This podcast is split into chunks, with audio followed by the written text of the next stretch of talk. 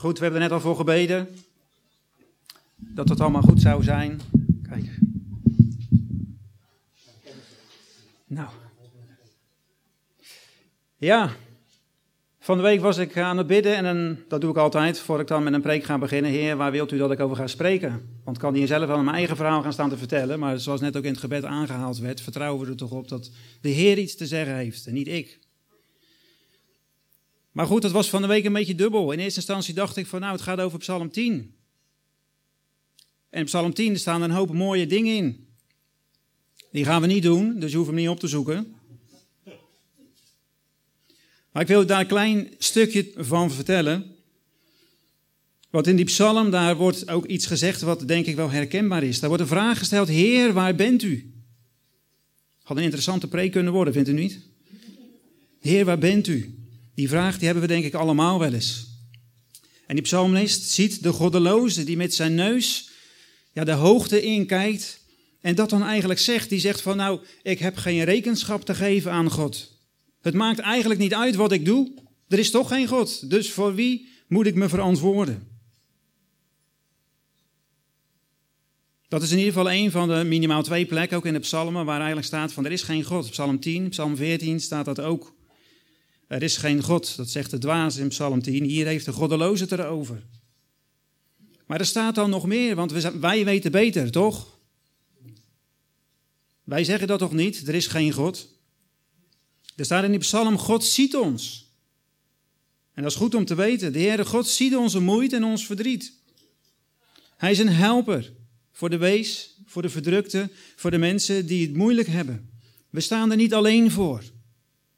Als je een helper naast je hebt, dan weet je, ik hoef het niet alleen te doen. De Heer doet recht aan de zwakken en aan de verdrukten. Zodat nooit meer, zo eindigt die psalm, zodat nooit meer een aardse sterveling schrik aanjaagt. En dat is een stuk van vertrouwen waar we net ook over gezongen hebben. Nou, misschien dat de Heer daarom zei van nou, dat hebben we al gedaan met zingen, dus dat hoeven we in de preek dan ook niet te doen. Wat ik wel met u wil gaan doen, is kijken naar een van de brieven van Paulus naar de eerste brief van de Corinthiërs. Want daar zien we dat er allerlei problemen kunnen zijn in een gemeente. Nou ken ik u niet zo goed. Ik weet niet wat hier allemaal speelt. Dat is misschien maar goed ook. Dan hoeft u in ieder geval niet te denken van, oh, hij heeft voorinformatie en nou bewijst hij naar mij. Ik bedoel, ik sta hier blanco. En als u zich aangesproken voelt, dan mag u vragen aan de Heer, Heer, wat wilt u zeggen? Wat wilt u dat ik doe? Want dan geloof ik dat het de geest is die iets aan u probeert duidelijk te maken. Problemen. Ja, wie heeft ze niet? Er zijn er heel veel mogelijke problemen.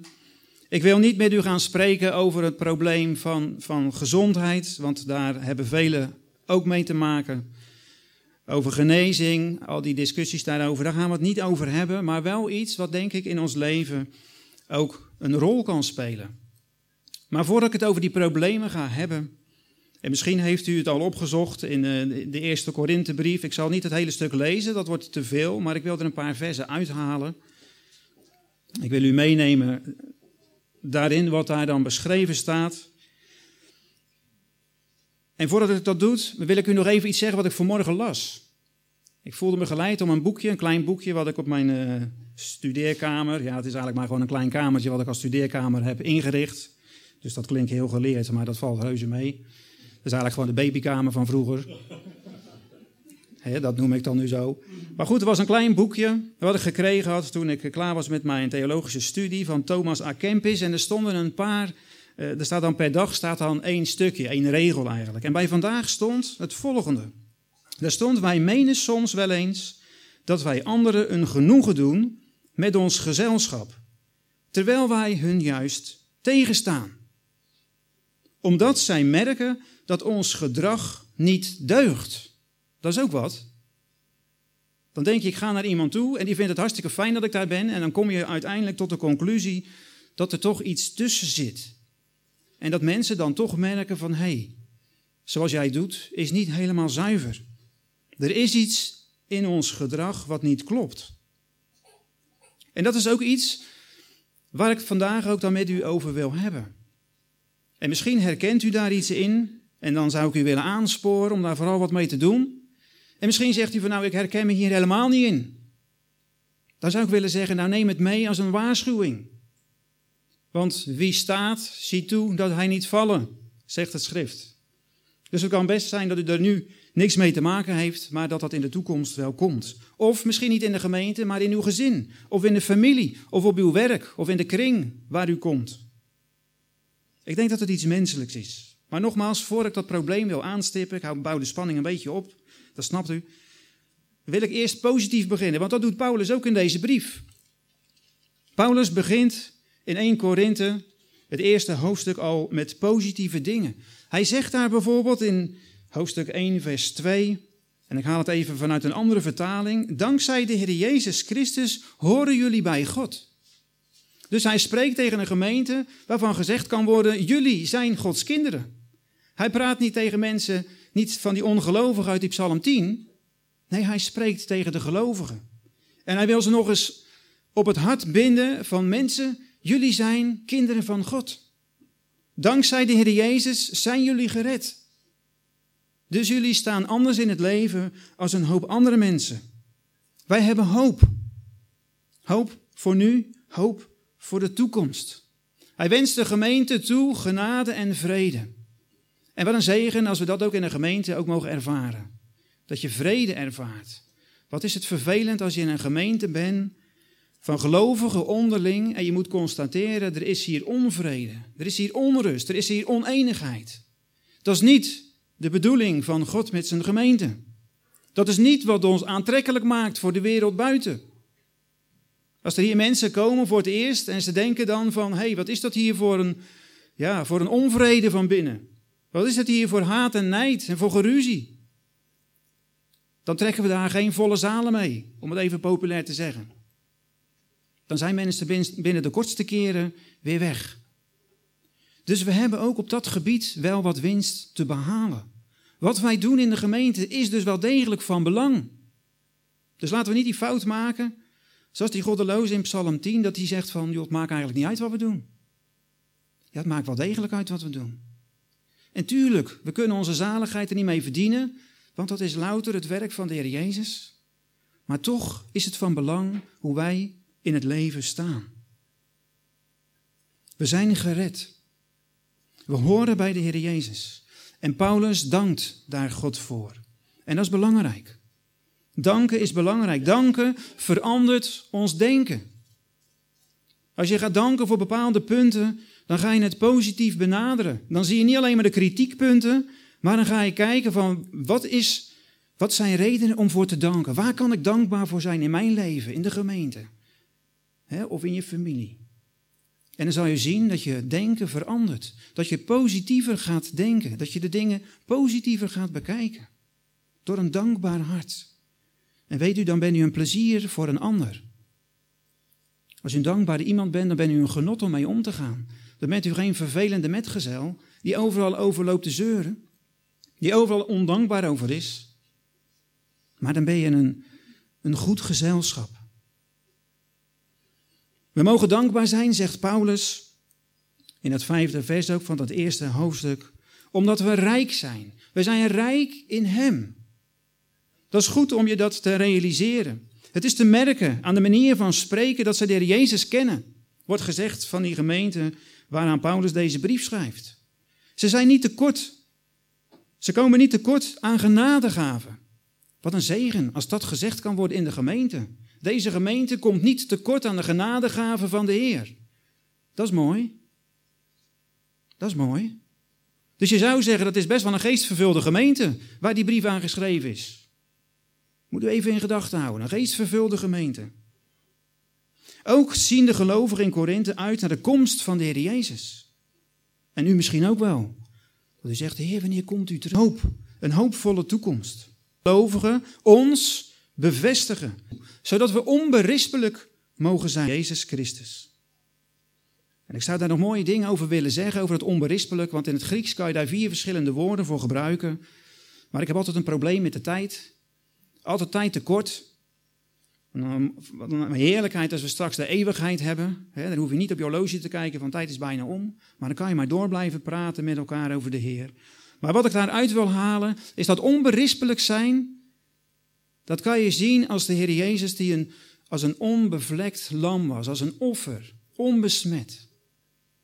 Maar je kan ook het zien, een woord wat gebruikt wordt hier, dat betekent ook van je kan het, je bent van, van binnen, ben je op een bepaalde manier, en van buiten. Dus wat mensen van buiten aan ons zien, dan kan je zeggen van nou goed, hij mankeert niks aan, dat is een hele fijne broeder of zuster.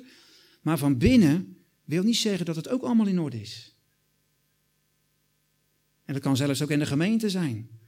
Dat kan naar buiten toe allemaal geweldig lijken. Maar als we dan in de gemeente kijken, dan kan het zijn dat we zeggen, nou, daar is nog wel wat, wat winst te behalen.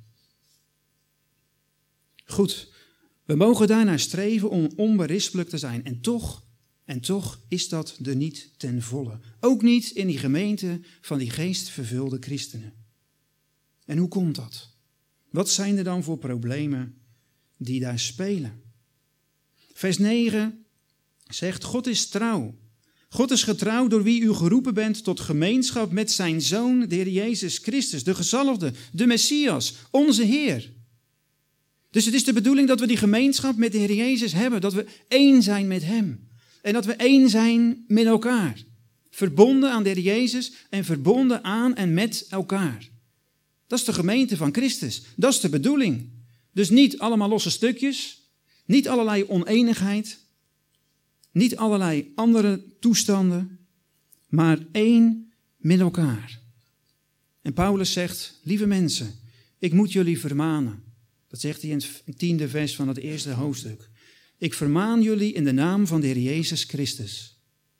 daarin laat hij ook weer zien dat hij de mensen gelijk, hij zegt ik vermaan jullie, ik doe dat uit liefde, maar in de naam van de Heer. Niet in mijn eigen naam, maar omdat de Heer het zegt.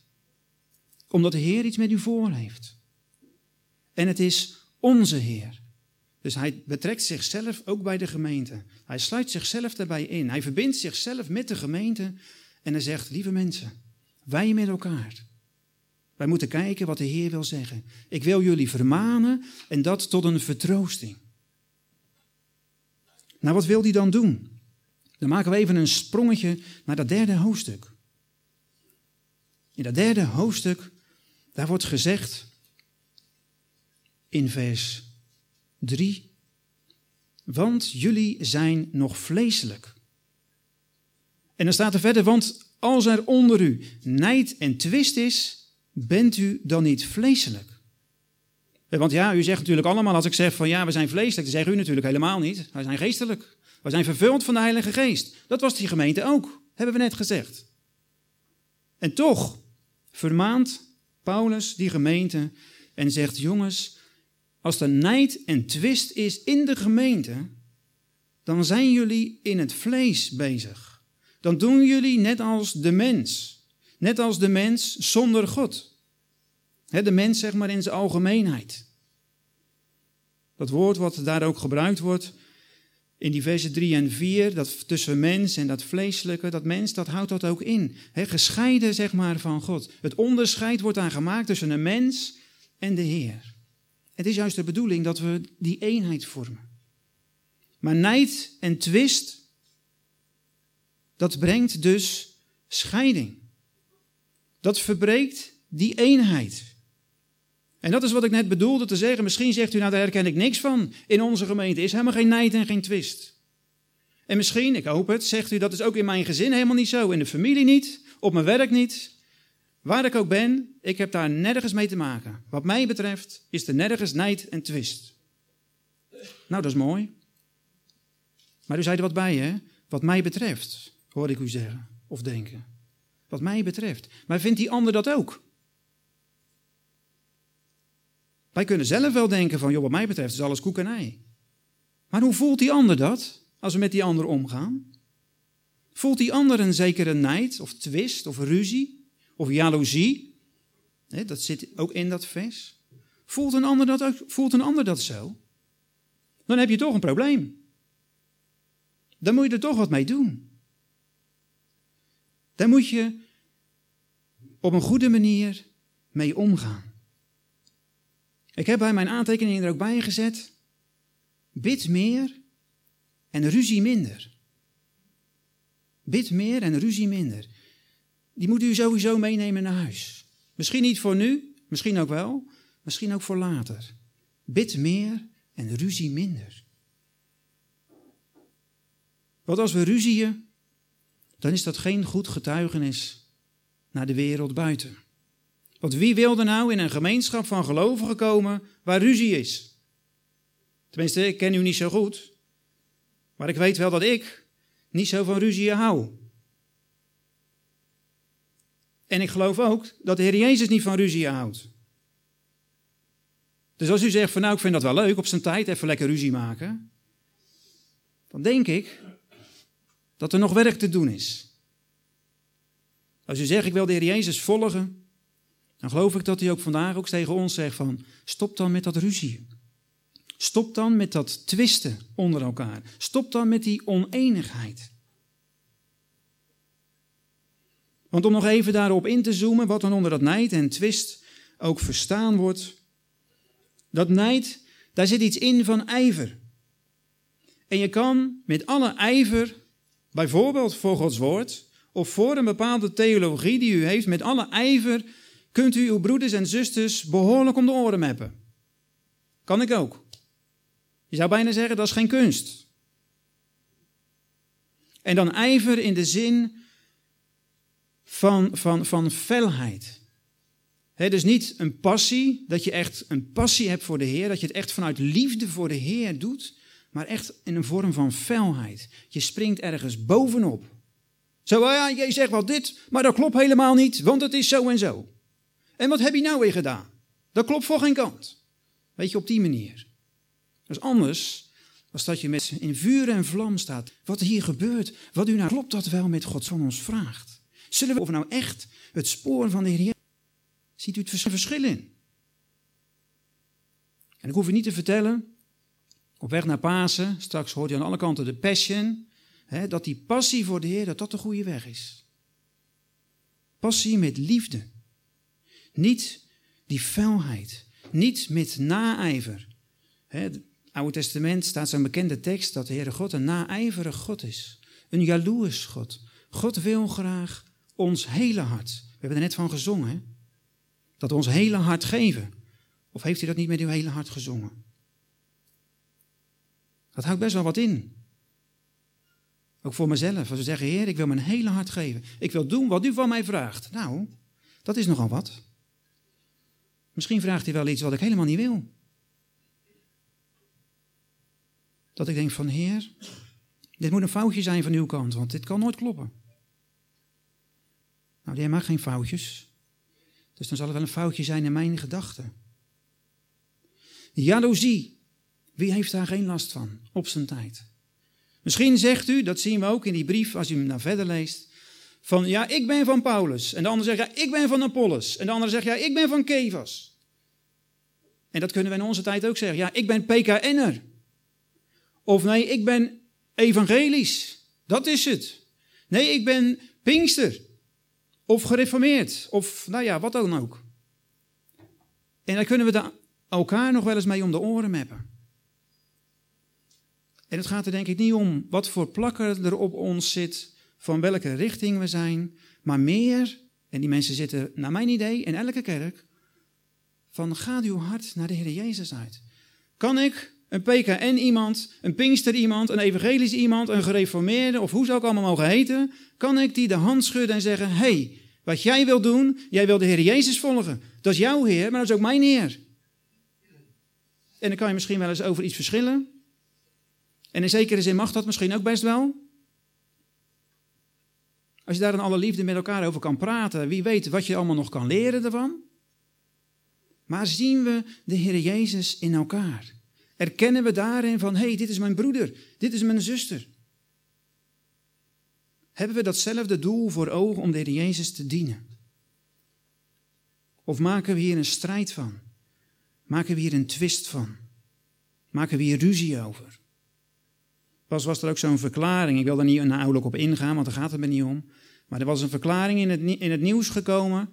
En een van de dingen die mij opviel is de oneenigheid ook onder christenen. De ene zegt van, heb jij dat niet getekend? Dat had je moeten doen. En de ander zegt van, heb jij dat getekend? Hoe kan je dat nou doen? Het was dezelfde verklaring. Maar dat, die haat en die twist onderling, dan dacht ik van, oh jongens, pas op. Wat een reclame. Nou niet om, maar gewoon het verschil. Hoe gaan we daar vervolgens elkaar de tent uit? wel in beleving, want dat zijn ook nog twee verschillende dingen. Dan die ruzie en die twist over kunnen maken. Ik geloof dat de Heer ons daarvoor wil waarschuwen. Want hij zegt het, dat zijn dingen van het vlees. Galaten 5, vers 19 tot 21 beschrijft een aantal dingen wat de werken van het vlees zijn. En daar komt ook die twist en die tweedracht in naar voren. De ruzie die we wel eens maken, is niet vanuit de geest. Dan heb ik het niet over, over dwalingen en zo, hè, dat je daar zeg maar een, een stevige discussie over hebt. Daar heb ik het niet over. Wat ik net al zei, als we samen proberen te zoeken naar de weg van de Heer, dan kunnen we misschien best wel eens met elkaar een goed gesprek voeren. Maar doen we dat vanuit liefde of doen we dat vanuit van ik zal eens even mijn gelijk gaan halen? Ik zal die ander wel eens even de les lezen. Ik zal eens even laten zien wie hier alles het beste weet. Want dat volgt verder ook in dat stuk dat Paulus ook zegt. Wie is Paulus? Wie is Apollos? Gaat het om ons? Gaat het erom welk, welke bediening ik heb? En wat ik heb? Van wie heb ik dat gekregen?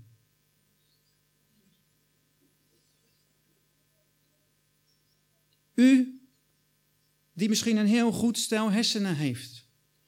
En zegt van nou, ik kan al die theologen zo van tafel vegen, want ik weet al de Bijbelvers uit mijn hoofd, ik weet al die theorieën te vinden en ik weet precies hoe het zit. Van wie heeft u dat verstand gekregen?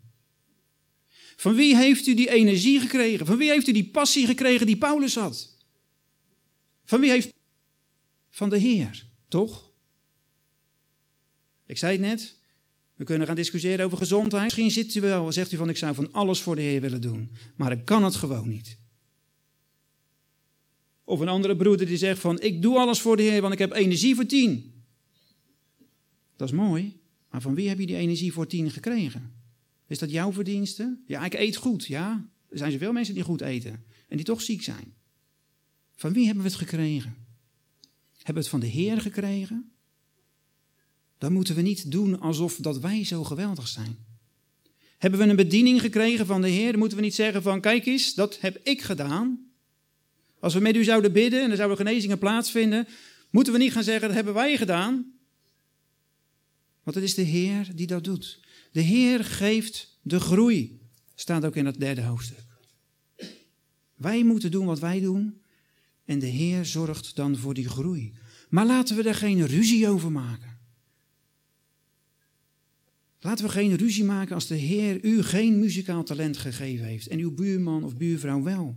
Dan heeft de Heer u waarschijnlijk een ander talent gegeven. En laten we elkaar in onze waarde. Laten we met elkaar omgaan als mensen die van elkaar houden. Laten we wandelen niet in het vlees, maar in de geest. Laten we leven in de geest.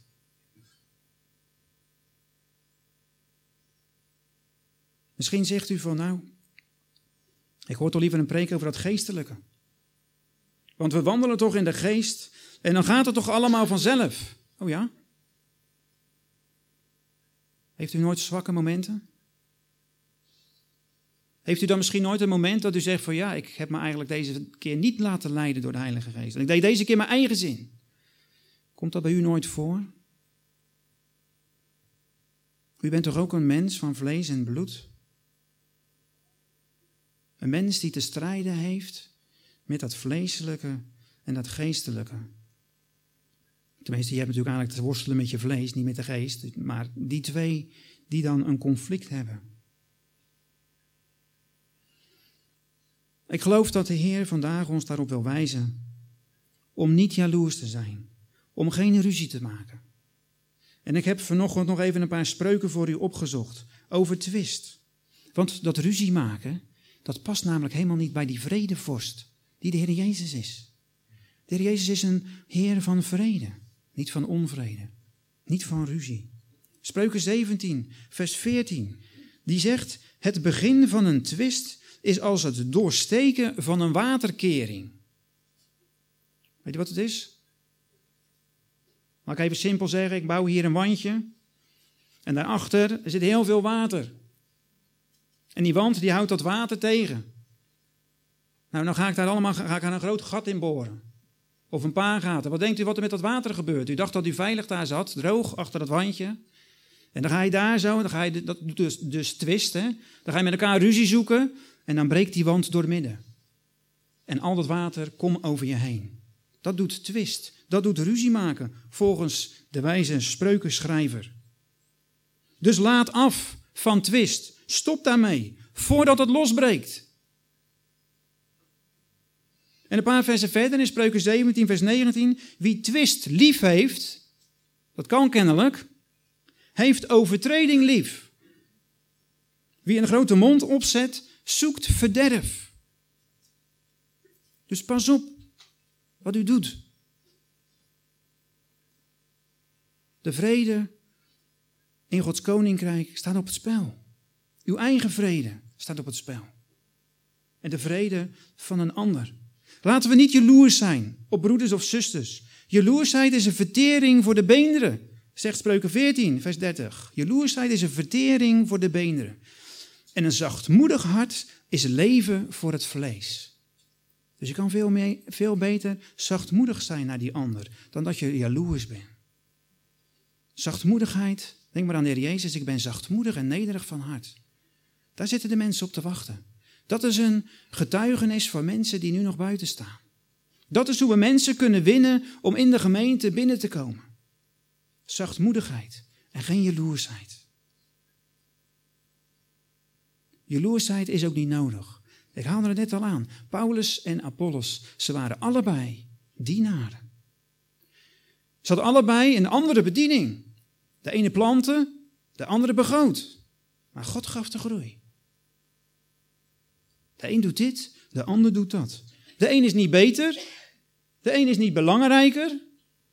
Want alles heeft zo zijn plek in het lichaam van Christus.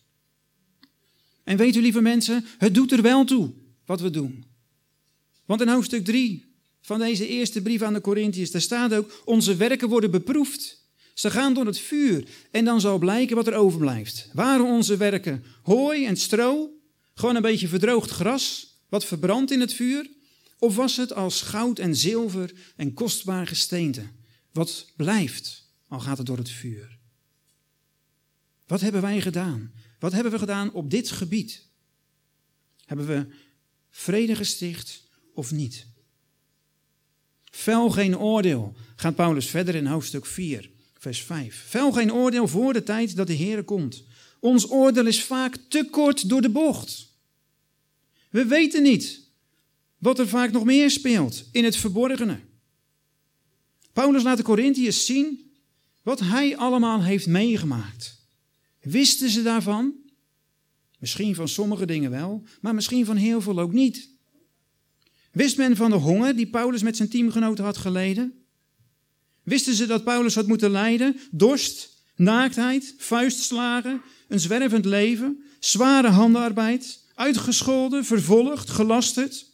Was de gemeente zich ervan bewust dat Paulus het zo had ervaren alsof hij maar ieders voetvegen was? Wisten ze dat? Ervaren ze dat? Voelden ze met Paulus mee? Misschien zijn er hier ook wel mensen die zeggen, nou ik mag een werk doen in de gemeente van de Heer. Maar het lijkt wel of dat ik ieder zijn voetvegen ben. Iedereen veegt zijn vuile voeten maar aan mij af. Ik moet alles maar accepteren, ik moet alles maar aanvaarden, ik moet alles maar goed en leuk vinden. Maar ze trappen me steeds weer op het hart. Dat is niet goed. Als iemand dat ervaart in de gemeente. En ik denk dat we best wel voorzichtig mogen zijn. Ook met mensen, ook met leiders, ook met mensen in de gemeente die in de vuurlinie lopen, die voorop gaan in de strijd. Dat we niet te snel oordelen, dat we niet te gauw kritiek hebben en zeggen van ja, het had zo gemoeten. Nee, ik had het beter geweten, ik had het anders gedaan. Ja, zie je, dit gaat fout. Ja, dat kon je van tevoren aan zien komen. Weet u ook dat die mensen misschien wel dag en nacht voor u klaarstaan? Dat die mensen dag en nacht voor u bidden? Dat u altijd een beroep op ze kan doen? Of wel vaak, en als u geen beroep op ze kan doen, dat ze daar dan een goede reden voor hebben? Weet u hoe het voelt? Als iedereen op je zijn schoen aan je afveegt, als je als voetveeg behandeld wordt. Dat zijn dingen, lieve mensen, wat mij pijn doet. Als we dat constateren in een gemeente. En ik kom wel eens op voorgangers overleggen. En dan worden dat soort verhalen nog wel eens gezegd. Dat er voorgangers zijn, dat er gemeenteleiders zijn, die het eigenlijk niet meer zien zitten. Misschien herkent u er ook wel iets van in uw eigen leven. Dat zegt van, ik heb de Heer jarenlang gediend. Ik heb van alles voor hem gedaan, maar er staat nu op een laag pitje. Want al die, al die bagger die ik over me heen gekregen heb, daar ben ik beu. Daar ben ik klaar mee. Dat is geen goed getuigenis, lieve mensen. Als dat gezien wordt, misschien niet door mensen, maar in ieder geval door de Heere God. Als die zegt van, als dat gebeurt in mijn lichaam, in mijn gemeente, in mijn tempel. Want we zijn toch een tempel van de Heer met z'n allen. Als dat gebeurt in mijn tempel, dan doet mij dat pijn. En er zijn veel te veel mensen die met pijn uit de kerk weggaan. En zeggen, ik heb jarenlang gediend, maar ik stop ermee. Ik kom nooit meer in een gemeente. Dat moeten we voorkomen. Met z'n allen. Want dat is niet waar de wereld op wacht. Dat is niet waar de mensen buiten behoefte aan hebben. De mensen hebben juist behoefte aan dat warme bad. En zeggen, hé, hey, daar vechten ze elkaar de tent niet uit, daar omarmen ze elkaar. Daar willen ze er voor elkaar zijn. Daar staan ze voor elkaar op de bres. Daar is liefde, daar is zachtmoedigheid, daar is vrede, daar is eenheid. Dat trekt. Niet dat geruzie, niet die naad, nijd, niet die jaloezie. God weet waar we doorheen gaan. En God vraagt van ons om niet te snel te oordelen, of eigenlijk helemaal niet te oordelen. En als we opscheppen over onszelf of over een ander, dan doen we een ander daar weer tekort mee. Als we zeggen, ja, Paulus, nee, daar moet je zijn, want dat is echt alles. Dan lopen we het risico dat Apollos zich een beetje achtergesteld voelt. En denkt van, en ik dan?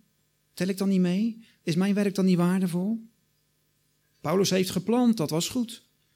Maar als ik het niet had begoten, had dat plantje dood gegaan.